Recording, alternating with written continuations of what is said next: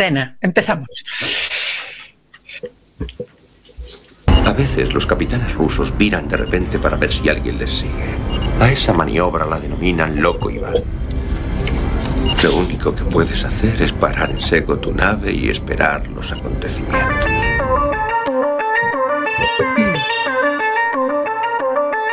Galasphere 347 of Space Patrol calling unidentified ship.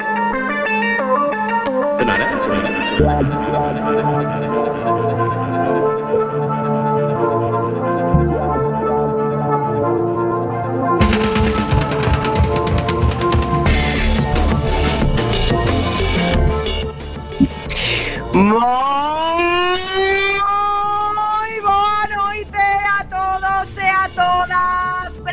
Orense para pasar unha hora repleta de aventuras a bordo do submarino nuclear máis intrépido de toda a Unión Soviética. Esta noite falamos de heroínas siderais, desas mulleres que derriban muros, que nos agarran no medio da tormenta, todas esas persoas que melloran o mundo no que estamos todos los días.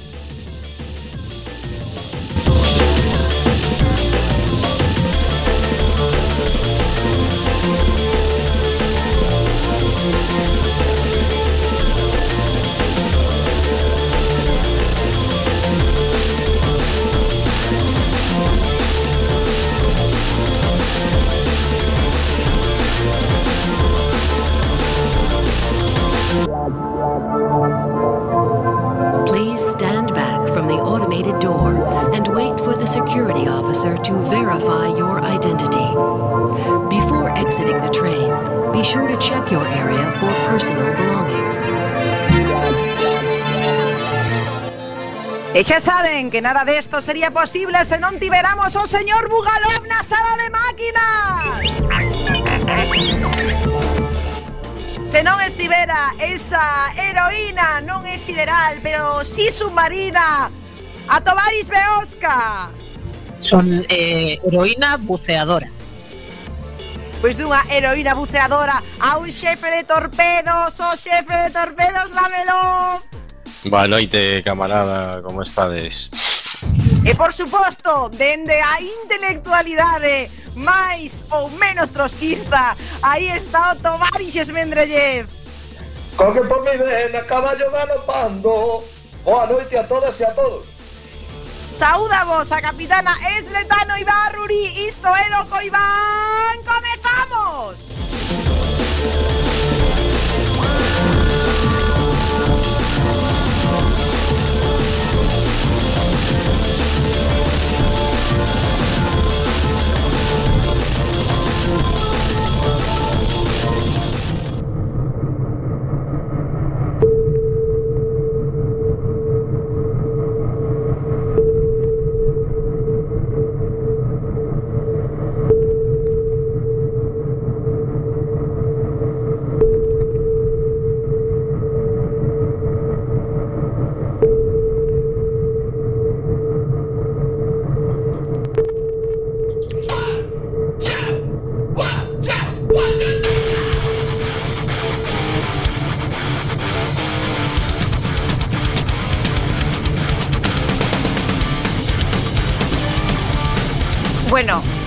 Pedir que me baixen un momento esta música de fondo porque teño que decir algo moi importante. Entón necesitaba necesitaba menos menos rock and roll por un momento. Eh Vou vos contar unha, unha cita de, de Galeano que di el amor se puede provocar dejando caer un puñadito de polvo de quiéreme como el descuido en el café o en la sopa o en un trago. Se puede provocar, pero no se puede impedir. No lo impide el agua bendita, no lo impide el polvo de hostia, tampoco el diente de ajo sirve para nada. El amor es sordo al verbo divino y al conjuro de las brujas. No hay decreto de gobierno que pueda con él, ni pócima capaz de evitarlo, aunque las vivanderas pregonen en los mercados infalibles brebajes con garantía y todo. Este programa de Loco Iván hoxe está cheo de amor, de amor a unha camarada que nos axudou a ser mellores e que recentemente tivo que marchar a unha misión espacial. Marchou, pero segue sempre na nosa órbita, porque o amor, como dicía Galeano, non se pode impedir. E ela nos deu todo, todo do mundo. Permitídenos hoxe adicarlle este programa de Loco Iván a Loli Patiño, unha auténtica heroína sideral. E agora, si, Bugalov, cando queiras, pois rock and roll.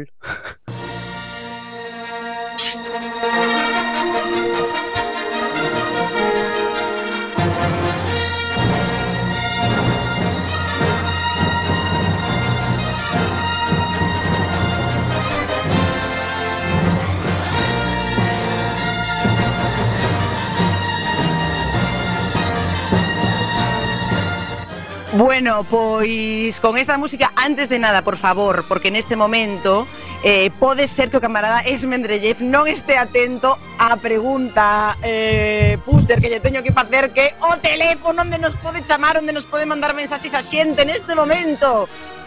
Para poñernos a podres, a todos e todas, sempre con coñecemento de causa dentro do posible, poden chamar o 644 737 303 644 727 310. Perfecto, e se quixeran facelo con arroba incluída a camarada Lamelofa, onde terían que dirixirse esas persoas auténticas? Pois se o fixeran a través desas redes de Twitter e Facebook, pois sería arroba loco Iván Cuac, e se o fixeran a través desa rede maravillosa que é Mastodon, pois eh, só so, arroba loco Iván. Bueno, pois agora xa con todas as bendicións Vamos adiante, vamos a falar de vamos a falar de heroínas siderais e por suposto E por suposto, que osto, osto. escoitei como un silencio e vimos eh, Estábamos todos expectantes, agardando a ver dicías. Pois, eh, a ver, porque son, son cousas eh, da pandemia e, o teletraballo que lle vi unha cara moi rara ao camarada da Melof como que É que había uns krakens por aquí polo discazo raro. que estaban facendo cousas de Eh, moito facer. Eh, foi misterioso porque eu mesma non podía falar, non me saía, non me saía a voz, estaba, estaba parada.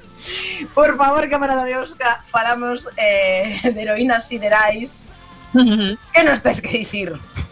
Pois teño que dicir que inicialmente cando falamos de, de falar sobre este tema, pois o primeiro que me veu a cabeza foi pois superheroínas, siderais, ese tipo de que sei, Capitán Marvel ou unha cousa así, pero tendo en conta que este programa está dedicado a nosa maravillosa Loli, dixendo, ser máis Loli, quero dicir, persoas Mm, mulleres que realmente mm, podamos dicir son como nós, pero pero sí, son heroínas, fan cousas de, de heroína.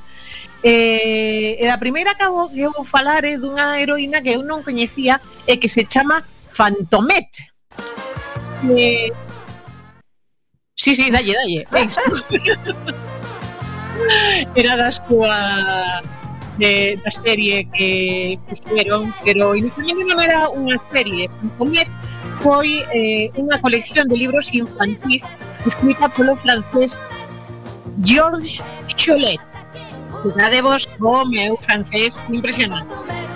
Eh, vai dunha meniña que, bueno, meniña non tan meniña, dunha, dunha nena de unha rapaciña de 12 anos que se chama François Dupont, E polas noites sae como a Fantomet, que é unha escriteira enmascarada que combate o crime na cidade de Framboisier. Pero ten un nome un pouco mierder, non? Fantomet. Mm, sí, bueno, moi francés sei. o rollo ese, moi. Ah, pero só así como como Fantomet. Tampouco a menos. Hai que dicir unha cousa, eu eh, penso que moi da súa época, porque o primeiro libro escribiuse en 1961. Ah. que dirás, bueno, vale, viejune de todo iso. Eh, a cousa é que tivo tantísimo éxito que este autor estivo 48 anos escribindo libros de Fantomet. Rematou en 2009 e hai 52 títulos de, de Fantomet. Esta rapaza, pois iso, non ten superpoderes, pero é moi intelixente, fala varios idiomas, sabe loitar, eh, iso... Durme pouco eh, seguramente, seguramente e seguramente eh, as súas eh, non, eh, non debería ter moito tempo para aprender idiomas e todo iso, non? Pero bueno, non sei, terá cabeciña. Eh, por suposto, ten o seu uniforme de superheroína, porque é o típico de antes muerta que sencilla, que claro.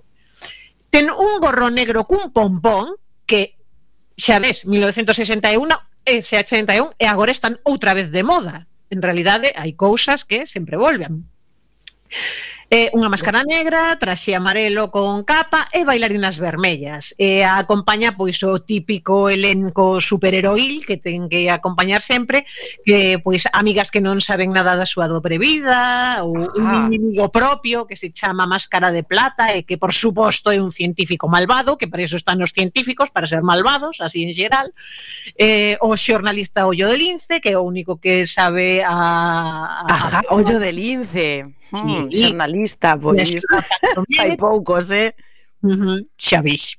E, eh, por suposto, ten un gato que probablemente sexa o máis importante do libro, que para iso están os gatos, para ser sempre o máis importante de todo.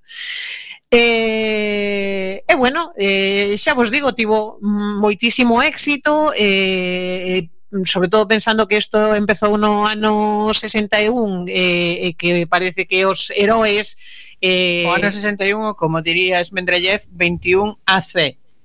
Que digo eu, superaría este señor en, en anos esa, claro. a, nosa, a nosa gran Enid Blyton, eh aquí todos coñecemos por por escribir sobre merendas, uh -huh. merendas sobre nenos borrachos. Merendas, sí, de cousas incomestibles, por certo. Uh -huh. O vos de zaparrilla ovos cocidos en sal e cervexa de, de sensibre que, de sensible, sí. que eu tardei como un millón de veces de, de, un millón de anos en decatarme de que era o ginger ale. Sí, sí. Claro.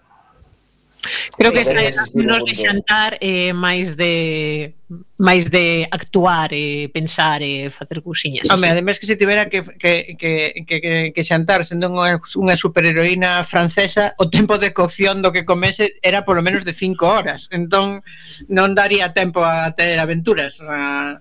O tope non, porque o mellor facía unha xeo de picoteo. Pero... pois pues sí. Bueno. A seguinte heroína é a princesa vestida cunha bolsa de papel que é un libro infantil escrito por Robert Munch en 1980 que tivo moi boa crítica dende, bueno, o feminismo en xeral, como por exemplo dende a Organización Nacional pola Muller de Estados Unidos. Daquela, naquela época ademais mmm, nos contos os heróis sempre eran os, os rapaces ou os homes. Entón mm, este foi dos primeiros libros que puxo como protagonista e como heroína, xa non só como protagonista, porque ás veces falamos da heroína do libro ou así, pero pero quero dicir a mm, o que falamos tantas veces de Hermión, non? Sí, bueno, é diferente, pero outras veces hai, mm, non sei, a Dama das Camelias, a heroína da Dama das Camelias, eh? non, non é exactamente unha heroína, a ver, está que se cae pobre, é a protagonista, moitas veces utilizamos heroína como sinónimo de protagonista e non é, non é así, pero neste libro sí, a protagonista ademais é a heroína. Eh, resulta que a princesa Elizabeth vai casar co príncipe Ronald, pero chega un dragón rapta a Ronald e queima todo o castelo. O que, bueno, de súpeto, pois Elizabeth vese sen, sen, sen casa, e sen noivo, e, e, e, en coiros, porque de verdade quemou absolutamente todo. Ela o que quere, e que nin pensa, o que quere é rescatar a Ronald. A Ronald Koeman. Por aí unha bolsa de papel, vístese coa bolsa de papel e vai buscar o dragón. E cando por fin o atopa, eh, como esta non é unha heroína de espada, senón que tamén é unha heroína de pensar, descubre que o dragón é como moi moi vanidoso, non? Presume da súa forza, presume do seu poder, entón empeza a retalo. Ai, si, sí, entón, eh, se eres tan poderoso, serás capaz de queimar todo este bosque enteiro. E o dragón queima o bosque enteiro e claro, queda pois bastante agotado despois de queimar todo o bosque, non? Ai, e, e despois de facer isto, se realmente queres probarme o poderoso que es, poderás mm, dar unha volta inteira ao mundo. E o dragón dá unha volta inteira ao mundo e ao final veña a dar voltas ao mundo, pois acaba pois derrengado, como acaba calquera despois de voar ao redor do mundo así coas súas propias alas, pois derrengado ah, o famoso susítame o cubata, non? Do efectivamente, dragón. efectivamente. E así utilizando a súa intelixencia a princesa consigue eh, pois que o dragón que dormido de puro agotamento entrar na súa cova e eh, rescatar ao príncipe que por certo, o final interesante é que cando ela entra toda contenta a rescatar ao, ao príncipe Ronald Ronald dille Pero mira que pintas me traes Non pareces princesa oh. ninguna Con eses pelos Hasta eh, logo Ronald, pero que es esto? Queimado, pero que é isto? Volta cando parezas realmente unha princesa Co que a nosa heroína Que é moi heroína Dille mm, mm, en versión bonita e para menenos Vai tomar polo cu E marcha eh, e ali o deixa Así pues que ben, logo Ronald Koeman. Moi feliz, moi feliz E realmente Oye, pues, así de, que, de que ano está? Que? De que ano está este este menos conto? Dous, 1980 menos dous antes da contesa. Eso, ano 1980. Oye, pois pues pareceme estupendo que xa no 80 mandara a tomar polo cu a Ronald. Cuman. Efectivamente, no, por eso este libro ten moito mérito tamén, porque xa che digo, foi dos primeiros nunha época no, no que non, non había esa perspectiva de, sobre a, a muller sendo a heroína. Eh, vou terminar un, como hai tempo xa que non falamos de Terry Pratchett e isto non pode ser é verdad. vou terminar falando da grande heroína Yaya Cerabella que diredes, bueno, pero Yaya Cerabella mm, non é como unha persoa normal, non é como todos nós, ela ten realmente poderes máxicos. Sí, pero Yaya tende a non utilizar os poderes máxicos, tende a utilizar os seus poderes eh, máis humanos, digamos, como por exemplo a cabezoloxía, Ela sabe que o máis importante como bruxa é pois mm, convencer a xente de que fagan o que teñen que facer utilizando pois iso a cabezoloxía, pois por exemplo, de, dándolles un, un xarabe que fixo ela na casa e dicíndolles este xarabe está feito con plantas que saíron a luz da lúa de non sei que, porque sabe que así a xente tomará de bo grado o xarabe e acabará curando. Mm, é unha muller, é unha bruxa que, que ademais ten unha frase moi interesante que a mí sempre me gustou moito que di as fadas danche o que queres, as bruxas danche o que precisas. Home, por favor, a favorcísimo. Totalmente. Cousa que me parece moi de grande heroína, eh, ela, bueno, sempre está, pois, aínda que é bastante uraña e todo isto, sempre está pensando nos, nos demais, no ben maior, eh, sacrificándose eh, e facendo, pois, por ter un mundo un pouquiño mellor. E iso sendo, pois, unha grande muller, eh, ou como dicía algunha vez Pratchett, eh, Yaya mm, camiñaba polo bosque sabendo que había algo terriblemente realmente peligroso nel, ese algo era ela, quero dicir, eh, ah. un tipo de muller forte, eh, capaz, moi segura de si sí mesma, eh, e así teñen que ser as, as heroínas, as, as nosas guías, como Yaya, como Loli. Exacto, porque Aí hai, hai un parecido, un paralelismo moi de Loli. Lo de Bruxa. Ya, ya, no, no, pero me refiro pois pues, por esa por esa forza e eh, porque eh sí. cando vai polo monte ollo, ollo con Loli. Eh, atención spoiler, era unha persoaxe tan especial para Pratchett que é a única persoaxe que ten un final nas sagas de Pratchett. A única persoaxe importante que ten un final. O resto non acaban, o resto de persoaxes. E o de Yaya sí. Ten un peche. Porque eso lle pasa a xente importante. A xente que de verdade importa. Uh -huh. Eh, e eh, pola miña camarada. Como? Non, pola miña banda ata aquí, que queda moito programa, moi pouco programa xa e moita xente por falar. Pois exactamente, lle toca falar, por exemplo, o Camara da Lamelov que está na sala de torpedos sacando brillo ao seu torpedo. Pois me dá aí o, o paso.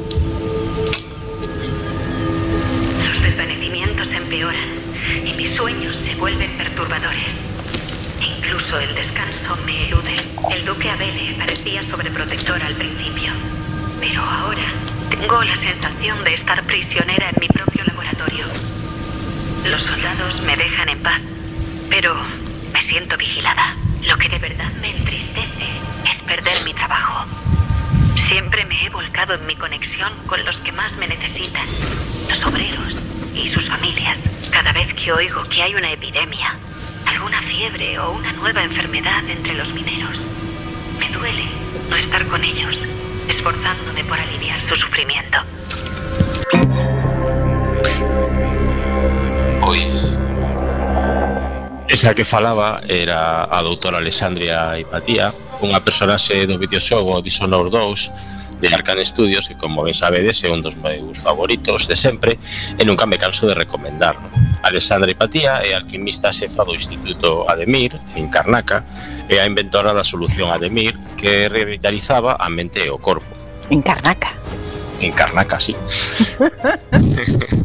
Ademais, ela axudaba os mineiros de Carnaca a recuperarse dos males das minas de plata. Era unha persoa boa, entregada ao seu traballo, porque o seu principal obxectivo era axudar a xente, especialmente aos mineiros. Hipatía era amiga do anterior duque de Serconos, Teodani Isabele, que era un home bo a pesar de ser un membro da realeza e como tal un parásito, obviamente, pero preocupábase por axudar os máis necesitados cando morreu o seu posto herdouno o seu fillo Felipe, eh, quero dicir, eh, Luca Abel, quen sabedor das habilidades de Hipatía, confinouna a forza no Instituto Ademir, aínda que publicamente dixo que estaba ali para topar unha solución á febre da mosca do sangue. O seu fillo, a verdade, que era bastante sanguinario. Realmente, Hipatía non precisaba que a forzaran a estar ali, porque ela amaba o seu traballo e quería topar solucións ás enfermidades e non entendía que o tirano o duque a tivera confinada. O caso é que ela probou unha primeira versión do seu potingue, o cal provocoulle un trastorno de personalidade e na súa mente apareceu unha segunda segunda persoa. Green Alex, que era pois todo o contrario eh, ao que era ela. De ser unha persoa boa e xenerosa, convertíase nun auténtico monstro capaz das aberracións máis abyectas. Ah, bueno. Igual que o seu avó, como o seu avó, exactamente igual. Ela non era consciente do que facía coa súa segunda personalidade, e o, bueno, nun momento da, da historia, pois sí que chega a decatarse, non? E por que vos conto isto nun programa que fala de heroínas? Bueno, primeiro porque a propia personaxe pois, pues, unha parte heroica, vale, de axudar a xente e de, e de inventar pois, eso, potingues e, e pócimas que, que curaban pois, a, a moitas persoas nese mundo imaginado, ¿no? Pero porque realmente Arcane Studios os eh, diseñadores do videoxogo quixeron facer unha homenaxe á Hipatía de Alexandría, que era unha muller filósofa grega procedente de Egipto e que se especializou en matemáticas e astronomía, convertíndose nunha das referencias históricas a estas disciplinas. Está considerada como unha das primeiras mulleres matemáticas da historia, escribiu sobre xeometría, álxebra e astronomía, e mellorou o deseño dos primitivos astrolabios, que eran uns instrumentos para determinar a posición das estrelas e sobre a bóveda celeste, que nos non precisamos, obviamente, porque non sacamos o dedo pola ventanilla do Basticafo e xa está, xa sabemos onde estamos. Claro, Además, tan... un pouco chupamos o caso de chupar, torpedos ou o vento. eh, inventou tamén un, un densímetro, bueno, para medir a densidade, obviamente, eh, está considerada pois, pues, unha pioneira na historia das mulleres eh, da ciencia, non? Pero foi asesinada. Ah, que por certo, se cumpriu esta semana, non? Eh, claro. Non foi o Día da Muller da mm. Ciencia? Exactamente. Pois, precisamente por eso habría que falar desta, de desta gran muller, non? Pois foi asesinada cando tiña 45 ou 60 anos, non se sabe ben porque a súa data de nacemento exacta non se coñece, pois linchada por unha turba de cristianos sen que se saiba a ciencia certa se as autoridades eclesiásticas desa época pois estaban implicadas, non? Ainda que hai varios... Seguro que fixeron polo seu ben. Seguro, seguro, seguro. Claro, claro, claro. Seguro que era todo polo, polo seu ben ou polo ben deles, deles mesmos. Non? non se sabe, xa digo, a ciencia cierta se, a, se autoridades eclesiásticas estaban implicadas. Non, non hai probas, pero aínda que hai varios estudios que implican ao patriarca Cirilo, como por exemplo o estirador Sócrates o Escolástico, que era máis coñecido, como todos coñecedes, Sócrates de Constantinopla, porque era o que estaba máis cercano aos feitos, non? Din eso, pois que Cirilo pois estaba, bueno, ao cargo da da xerarquía eclesiástica nese nese momento, non? E hai que ter en conta que era unha muller moi intelixente, era fiel ao paganismo, e algo que en ese momento pois non era boa idea, porque a Igrexa Católica estaba xusto en guerra contra o, o paganismo, non? Entón, podemos dicir que era unha actividade de, de risco. Acusaron a, falsamente de ser a causante pois das disputas entre Cirilo e Orestes e un día cando volvía a súa casa unha turba de fanáticos pois, sacou do seu carruaxe arrastraron por toda a cidade de Alexandría ata chegar ao templo de Cesario que, que logo, bueno, un templo que logo sería unha catedral non?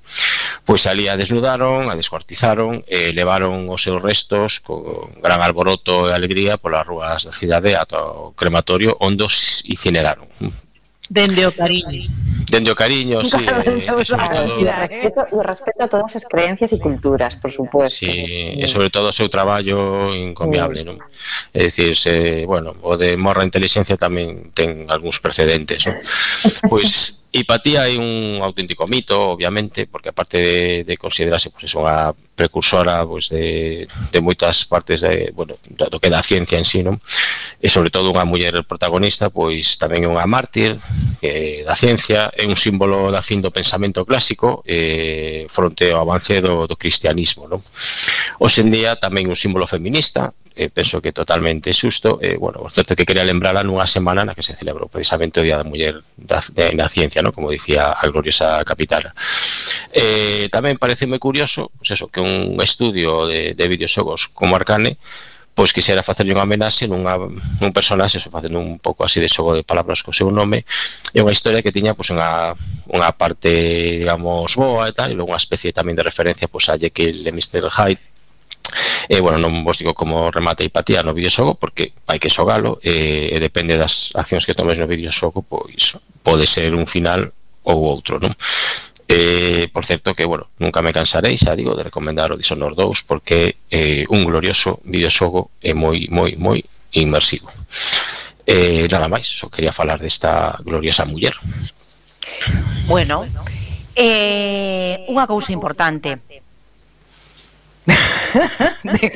que temos unha, unha tripulante nova que se acaba de meter eh, despois da, da presentación que é a camarada Mirova, a camarada Bolseira, por suposto, que por eso se mete logo non ten presentación. Pero bueno, eh, Mirova. Non teño nin iso, non teño nada, oxe. No, estou bastante é que non teño unhas hostias encima. bueno, pois eh, pois na queda media hora de programa, eh? Ai, no, non te preocupes. Estamos esperando a que baixe o submarino o noso entrevistado de hoxe, así que eu creo que neste momento, que son case as 10 e media da noite, se nos estás escuitando en directo, se nos estás escuitando en diferido, pois pode ser calquer tipo de hora, pero eh, neste momento o mellor eu creo que que nos vayamos a ver o que fai Bugalov.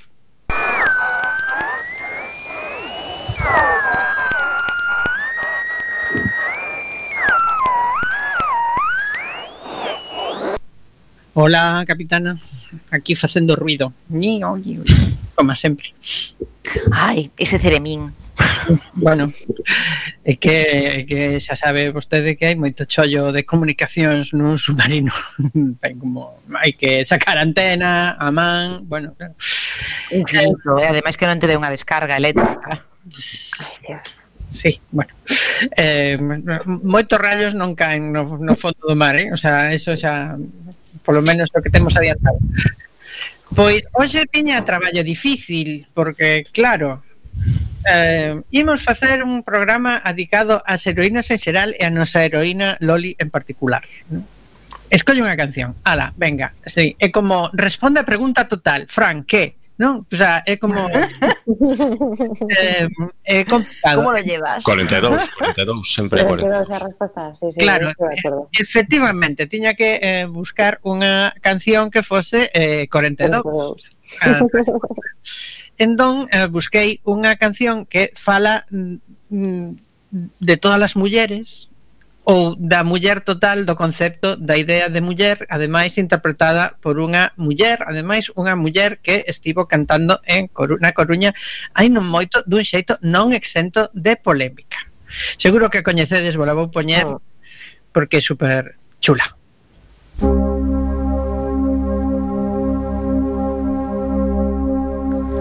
Let me inside you, into your room. I've heard it's lined with the things you don't show. Lay me beside you, down on the floor. I've been your lover from the womb to the tomb. I dress as your daughter when the moon becomes round. You be my mother when everything's gone.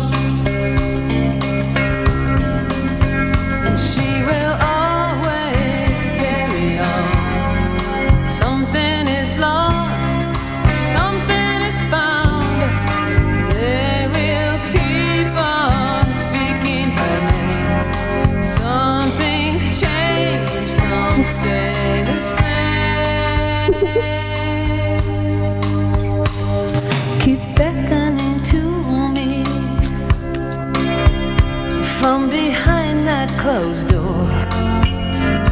The maiden, the mother, and the crone that's grown old. I hear your voice coming out of that hole. I listen to you and I want some more. I listen to you and I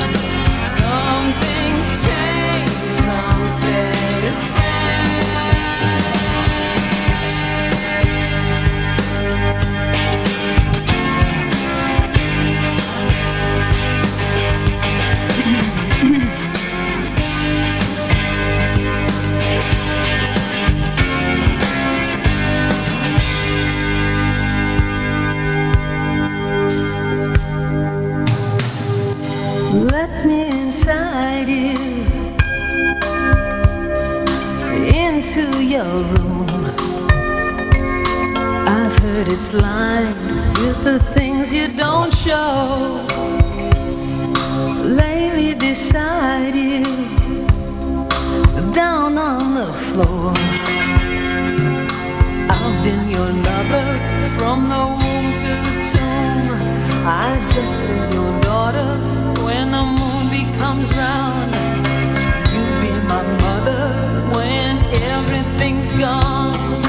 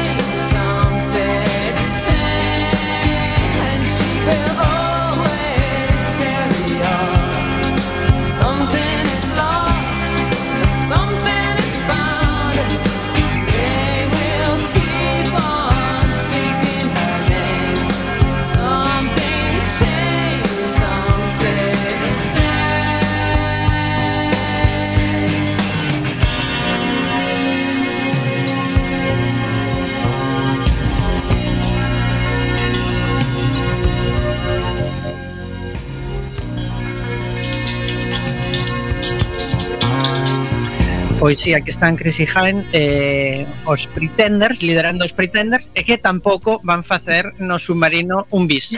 non van facer bis. Non van facer bis. Non van facer bis porque xa temos o noso invitado, bueno, non é invitado, non é invitado porque é case un pouquiño un membro honorífico do submarino, non honorífico, el chegou a, hacer, a facer prácticas no submarino, o que pasa que logo o mandamos a limpar tamén a escotilla por fora, que tardou en voltar. Pero abrimos a escotilla. Abrimos esa escotilla, non sei se non sei se podemos abrila. Sí, sí, que sí, vai. Estamos abrindo, ah, vale, es importante para que para que teña oxígeno. Non, pois non temos escotilla. Bueno, pois hoxe non se abre escotilla porque estivo sempre case dentro, home. Aí está, no, aí está, aí está. Se non temos escotilla, temos porta. Oh, o compañeiro Diego Jiménez. Moi boa noite Hola, boa noite, compañeira Bueno, e diredes, quen é Diego Jiménez? Por que traemos aquí a Diego Jiménez? Pois porque hoxe é un programa especial dedicado a heroínas siderais e queremos falar cun recuncho de heroes, heroínas que precisamente non queren selo. E por eso precisamente o son de persoas que no medio dunha pandemia que non nos igualou, aínda que nos trataron de dicir o contrario, decidiron deixar claro eh, algo que tamén tiña moi moi certo Loli sempre que que o povo, que só o povo salva o povo e que é máis cunha frase de Berry Charrac. Falamos dos GAM, dos grupos de apoio mutuo que naceron nos barrios para axudar a xente máis vulnerable no medio da pandemia. Eh, e Diego Jiménez é membro dos GAM Así que moi boa noite, benvido submarino soviético máis intrépido de toda a Unión Soviética e contanos un pouco para a xente que o mellor nos está escoitando e non coñece que son os GAM e como poden colaborar con eles. Vale, bueno, boa noite primeiro a todas É un, é un gusto, como sempre, estar aquí E compartir este anaquiño con, con todas vos eh, sobre todo en un programa que fala de unha persoa tan grandísima como era como é Loli, eh, que sempre vai estar con nós, eh, vai aí, como recordo. E eh, eh, bueno, Loli tamén pois eh, ten moito que ver cos GAM porque é tamén o, un xeito un xeito de, faz, de facer que somos GAN GAM preguntas. Bueno, os GAM comezaron eh, creo que o día seguinte o propio día que, que soubemos que como ia ir isto eh, que sabíamos que, que bueno, eh, tiñamos en riba algo que era moito máis grave do que nun principio podería parecer e eh, que, do, do que nun principio moitas de nos pensábamos eh, bueno, como esa vontade dun xeito moi espontáneo, pero esa vontade de non separarnos, eh, non romper as redes comunitarias que tiñamos nos barrios e que tiñamos co, que nos unían coa xente que tiñamos alrededor. Que é verdade que eran redes moi precarias, porque xa eh, a pandemia o que veu facer é como levar máis un pouco máis un paso máis adiante todas as rupturas que se daban co capitalismo, co neoliberalismo, de separarnos entre nós, de romper a estrutura dos barrios, de romper as comunidades que que existían nas cidades E, eh, e eh, bueno, ante esta pandemia que víamos que aparte de todo iso nos ia separar tamén físicamente as nosas veciñas, pois pues, crear eh, ou intentar tecer ou manter esas redes que xa funcionaban para que ninguén quedase desatendido ou desatendida. O sea, que, que a xente que peor o ia pasar ou peor o estaba pasando, pois pues, eh, soubese que tiña veciños e veciñas que, que podíamos botar un cabo. E así foi como comezou. Eh, comezou como esa idea de eh, de manter a comunicación entre a xente dos barrios, eh, foi medrando, foronse creando grupos, e, eh, bueno, ata hoxe, eh, eh, con moito traballo comunitario, moito traballo de barrio, e moita xente que, que se achegou que a botar unha man ao que peor o pasa, a xente país vulnerable. Digo unha cousa importante, creo que, que temos que facer fincape nesto, eh, que segue habendo ese, esa necesidade e segue habendo ese traballo, porque eh, neste tempo o que vivimos eh, e o que realmente tamén del nos falan os, as propias persoas que, que están no mundo da psicología é que hai esa sensación de fartazgo da pandemia. Ese fartazgo da pandemia eh, tamén nos impulsa de alguna forma a creer que todo está pasando, non? Porque é curioso que nesta terceira ola, habendo case as mesmas mortes ou superiores que na primeira, as mortes xa non son o titular, non? O sea, quero dicir que, que como que se todos estamos intentando de alguna forma eh, tapar un pouco os ollos e dicir que isto, bueno, está pasando, está pasando, veña, o sea, xa a semana que ven nos teñen que nos teñen que abrir eh, cando as tasas de incidencia todavía son altísimas. Entón, eh, cales, eh, cales seguen sendo as necesidades que detectades os GAM nos barrios, e, e, e, e oye, e animaros un pouco a xente a que, a que se dé conta de que son moi necesarios, quizáis máis agora incluso. Claro, sí, eh, mm, bueno, deixa, aparte de todo, de toda esta emergencia sanitaria de, sa, de, de saúde que estamos vivindo, que moi grave, sigue sendo moi grave, eh, todo o trasfondo que ten detrás a nivel social e económico. O sea, temos que ter en na cabeza un montón de, sea, todo ese montón de xente, que son miles de persoas, mileiros, milleiros de persoas na cidade, que, que bueno, que esta crise eh, está sendo sobre todo unha crise eh, a nivel social e a nivel económico. Están pasando fatal, eh, eh, siguen pasando fatal. E eh, eh, bueno, hai un montón de xente que está quedando atrás eh, os GAM, se, nos GAM seguimos atendendo, atendendo necesidades prácticamente todos os días Todas as semanas temos algún caso de pues, unha veciña que, bueno, que polo que sexa este mes non puido cobrar e non ten para bueno, para, para as necesidades básicas, algunha outra veciña que tivo que sair da súa da súa casa porque non lle chegou para pagar o alugueiro, por moito que hai algún ministro por aí que parece que di que non que non se enteraba que seguía seguía habendo desafiuzamentos e cando nós estamos vivindo é un drama social que estamos vivindo na cidade día a día. Entón, eh, todo, toda esta serie de necesidades siguen moi presentes nos barrios, siguen, sigue sendo moi necesaria eh, este apoio mutuo. E cando falamos de apoio mutuo, a mí sí que me interesa resaltar moito iso, porque non se trata, eh, nos GAM sempre, desde o inicio, sempre quixemos fusir desa idea de, de como de caridade, de, simplemente de como mm, organización que de axuda ou de caridade. O sea, somos grupos de apoio mutuo, eh? a, propia, a propia palabra creo que o di, pero ademais eh, no traballo sí, do día a día apoio mutuo. Ve, apoio mutuo, o sea, moitas persoas eso dábase, o sea, se está dando permanentemente desde o inicio, xente que entrou nos GAM porque tiña unha necesidade, unha emerxencia puntual de, pois pues iso, o que estaba dicindo, pois pues, unha semana que non puido facer a compra. Esa xente logo, pois, pues, a mellor está botando un cabo a súa veciña, cando xa pasou esa emerxencia, está participando activamente nos GAM, está axudando a outra xente O sea, axudámonos entre veciños e veciñas e o que hoxe pode pasar a ti, pois ao día seguinte pode pasar algunha veciña e, e así se funciona.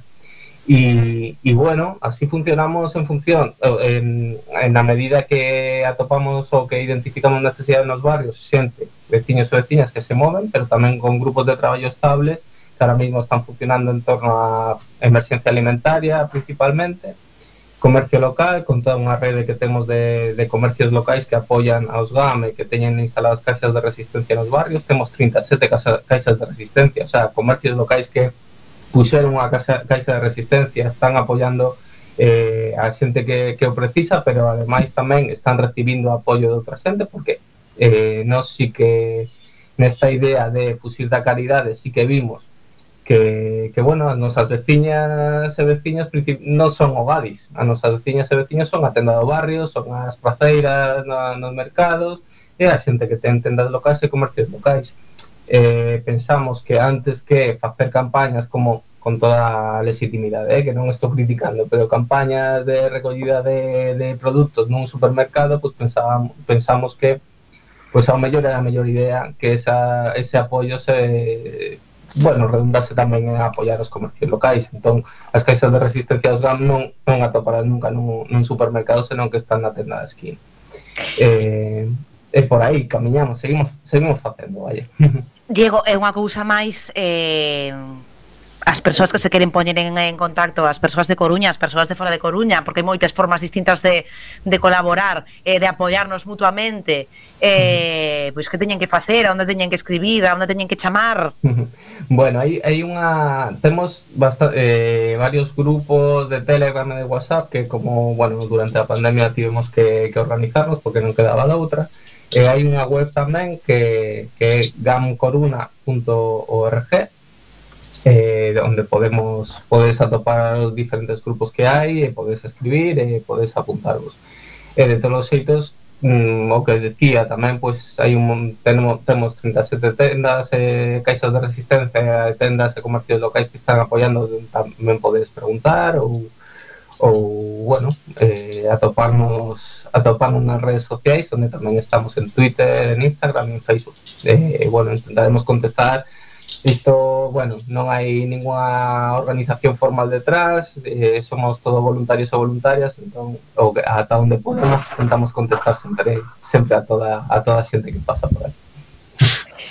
Diego Jiménez, membro dos GAM, membro honorífico deste submarino. Algúnha vez estivo nun submarino soviético como este?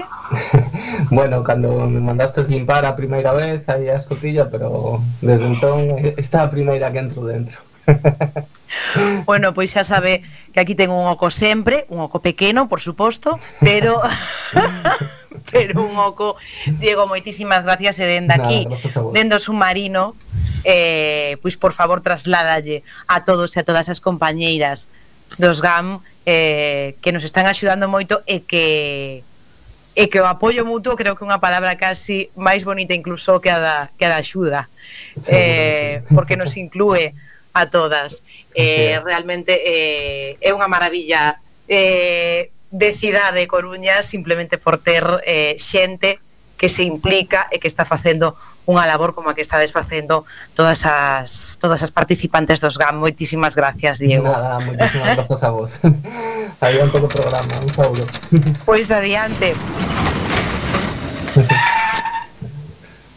e seguimos Sí, seguimos, seguimos. Oye, estamos en boa hora, eh? Estamos logrando facer o programa en hora. E Non agora ven a bolseira, ven a bolseira a torpedear aquí a Bueno, como, como non perdona, do principio perdona. Lle, Pero o fío, o fío, no, no, no, vou pisar a capitana porque eu son así, o fío da entrevista Pero mira, comentar. estaba apuntado que estabas Mendrellez, pero bueno, te permito Claro, esto. No, no, é solo un breve inciso como bolseira porque non lle vou dedicar máis tempo a este programa de hoxe, pero só quería comentar que estabades a falar das caixas de resistencia e de que hai 37 en toda a cidade e están listadas tanto na páxina dos GAM como nas súas redes sociais, por si queredes, que están en todos os barrios. Entonces, digo por si alguén está escoitando isto e non sabe onde están as caixas de resistencia, aparecen todas listadas e divididas por barrios, tanto na páxina dos GAM como nas súas redes sociais.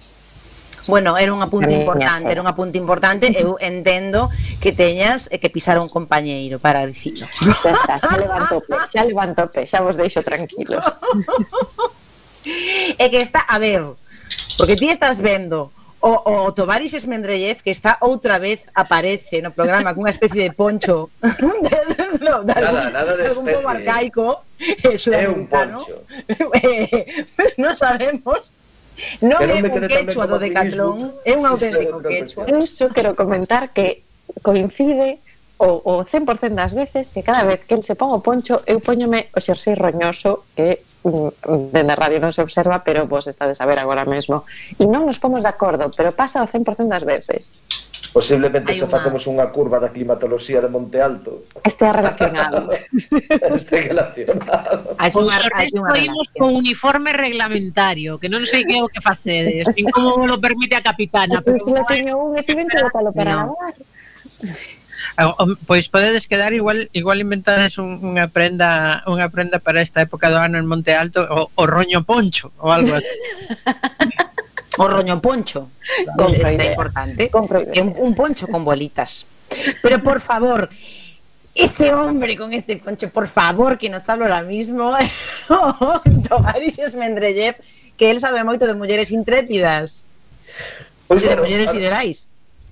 Falando de mulleres siderais e tamén pensando eh, na, nosa, na nosa compañeira Loli Patiño e nas, nas características que fan a auténtica heroína, como son a bondade, eh, a inteligencia, a sabiduría e a valentía, que me parece pues, catro, catro das, das que poderíamos mencionar, foi me divagando a, monte, a mente, pensei en mulleres científicas, non? cada vez que pensamos tamén en científicas, eh, científicos, en grandes mulleres heroínas, eh, pois tamén nos pode chegar a, a idea de que non teñen o que coñecemento que, que merecen a veces, non? Entón, pois sí, nos chega esa idea. Nos chega, nos chega. Nos vai chegar esa idea, sí. Non sei se algunha vez vichedes unha fotografía do Tribunal dos Premios Nobel. Non, pero adiviñamos.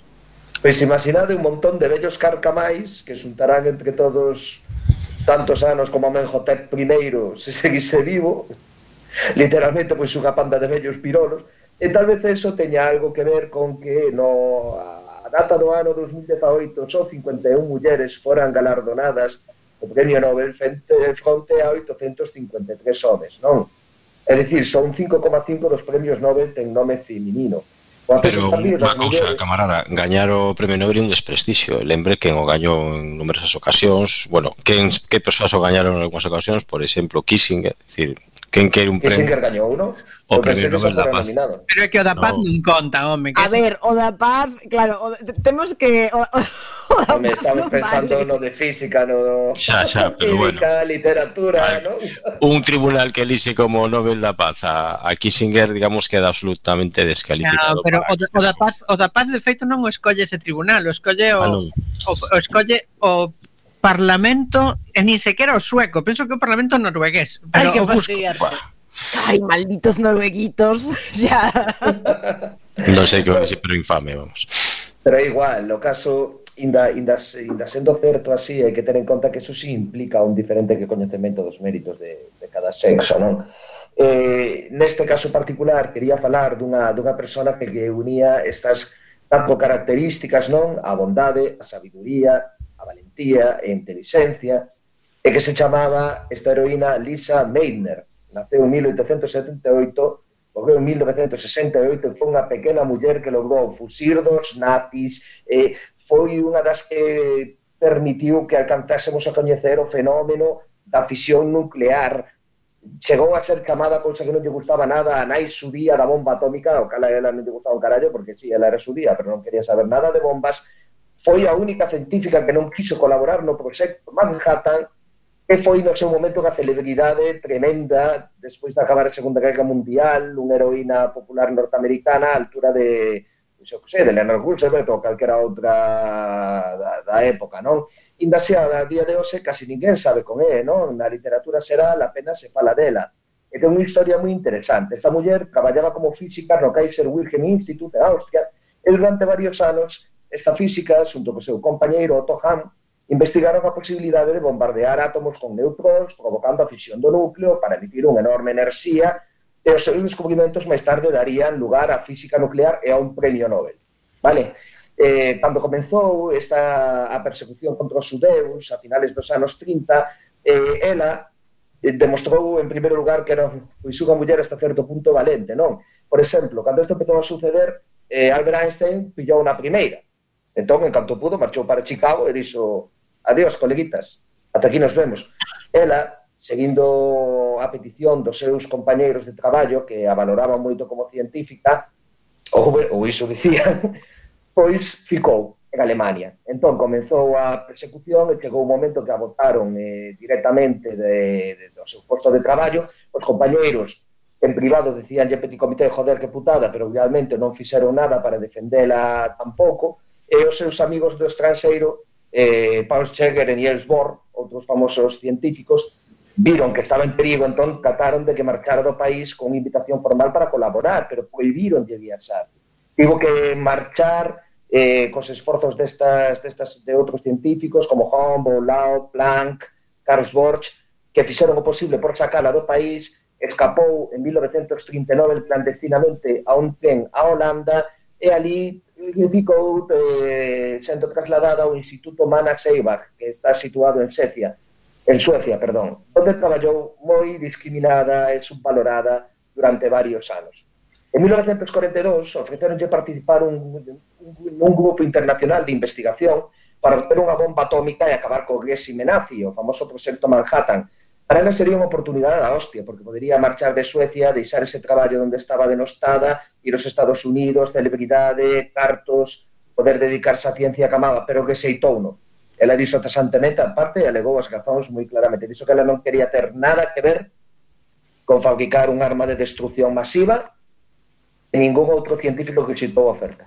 Somente, somente xela. Foi a que tuvo esta integridade, esta bondade, esta sabiduría e este valor. Un pouco máis tarde, a finais de 1944, o seu compañeiro Tohan foi galardoado co Premio Nobel de Química e ninguén entendeu porque os dous foron, foron nomeados xuntos en 1939, pero só lle concederon a él. Eh, a única explicación foi a afiliación ao comité de, de un científico chamado Sheban, que era o director do laboratorio onde ela traballaba, e nunca se subo os motivos polo cual eh, votou a esta muller para baixo. Eran pelos profesionais, por machistas, se que non lle gustaba étnicos, nunca se chegou a saber, non? Hai que dicir que tivo seu momento de recoñecemento en 1945, cando que matou a Guerra, eh, que de feito fíxose tan tan tan famosa que lle chegaron a ofrecer en Hollywood eh, facer unha película basada no seu biopic o que era que expostou que nin de coña que aquel papel que lle daban co guión que aquelo eran todo palmadas que non tiña nada que ver coa súa vida e que fora a pataqueira que lle daba igual. E bueno, pareceume que unha persona de tanto carácter, bondade, habilidade inteligencia e valor era axeitado para poder lembrar as heroínas e a nosa compañeira Loli.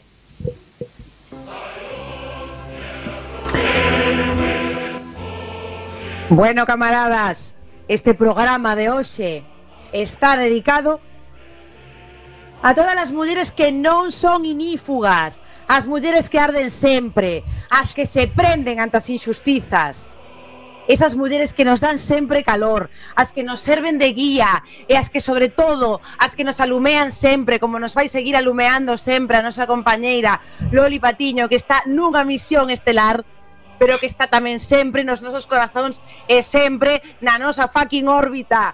Pois sexa moi felices, nos vemos a semana que ven, os queremos e beban sempre vodka con moderación e saúde.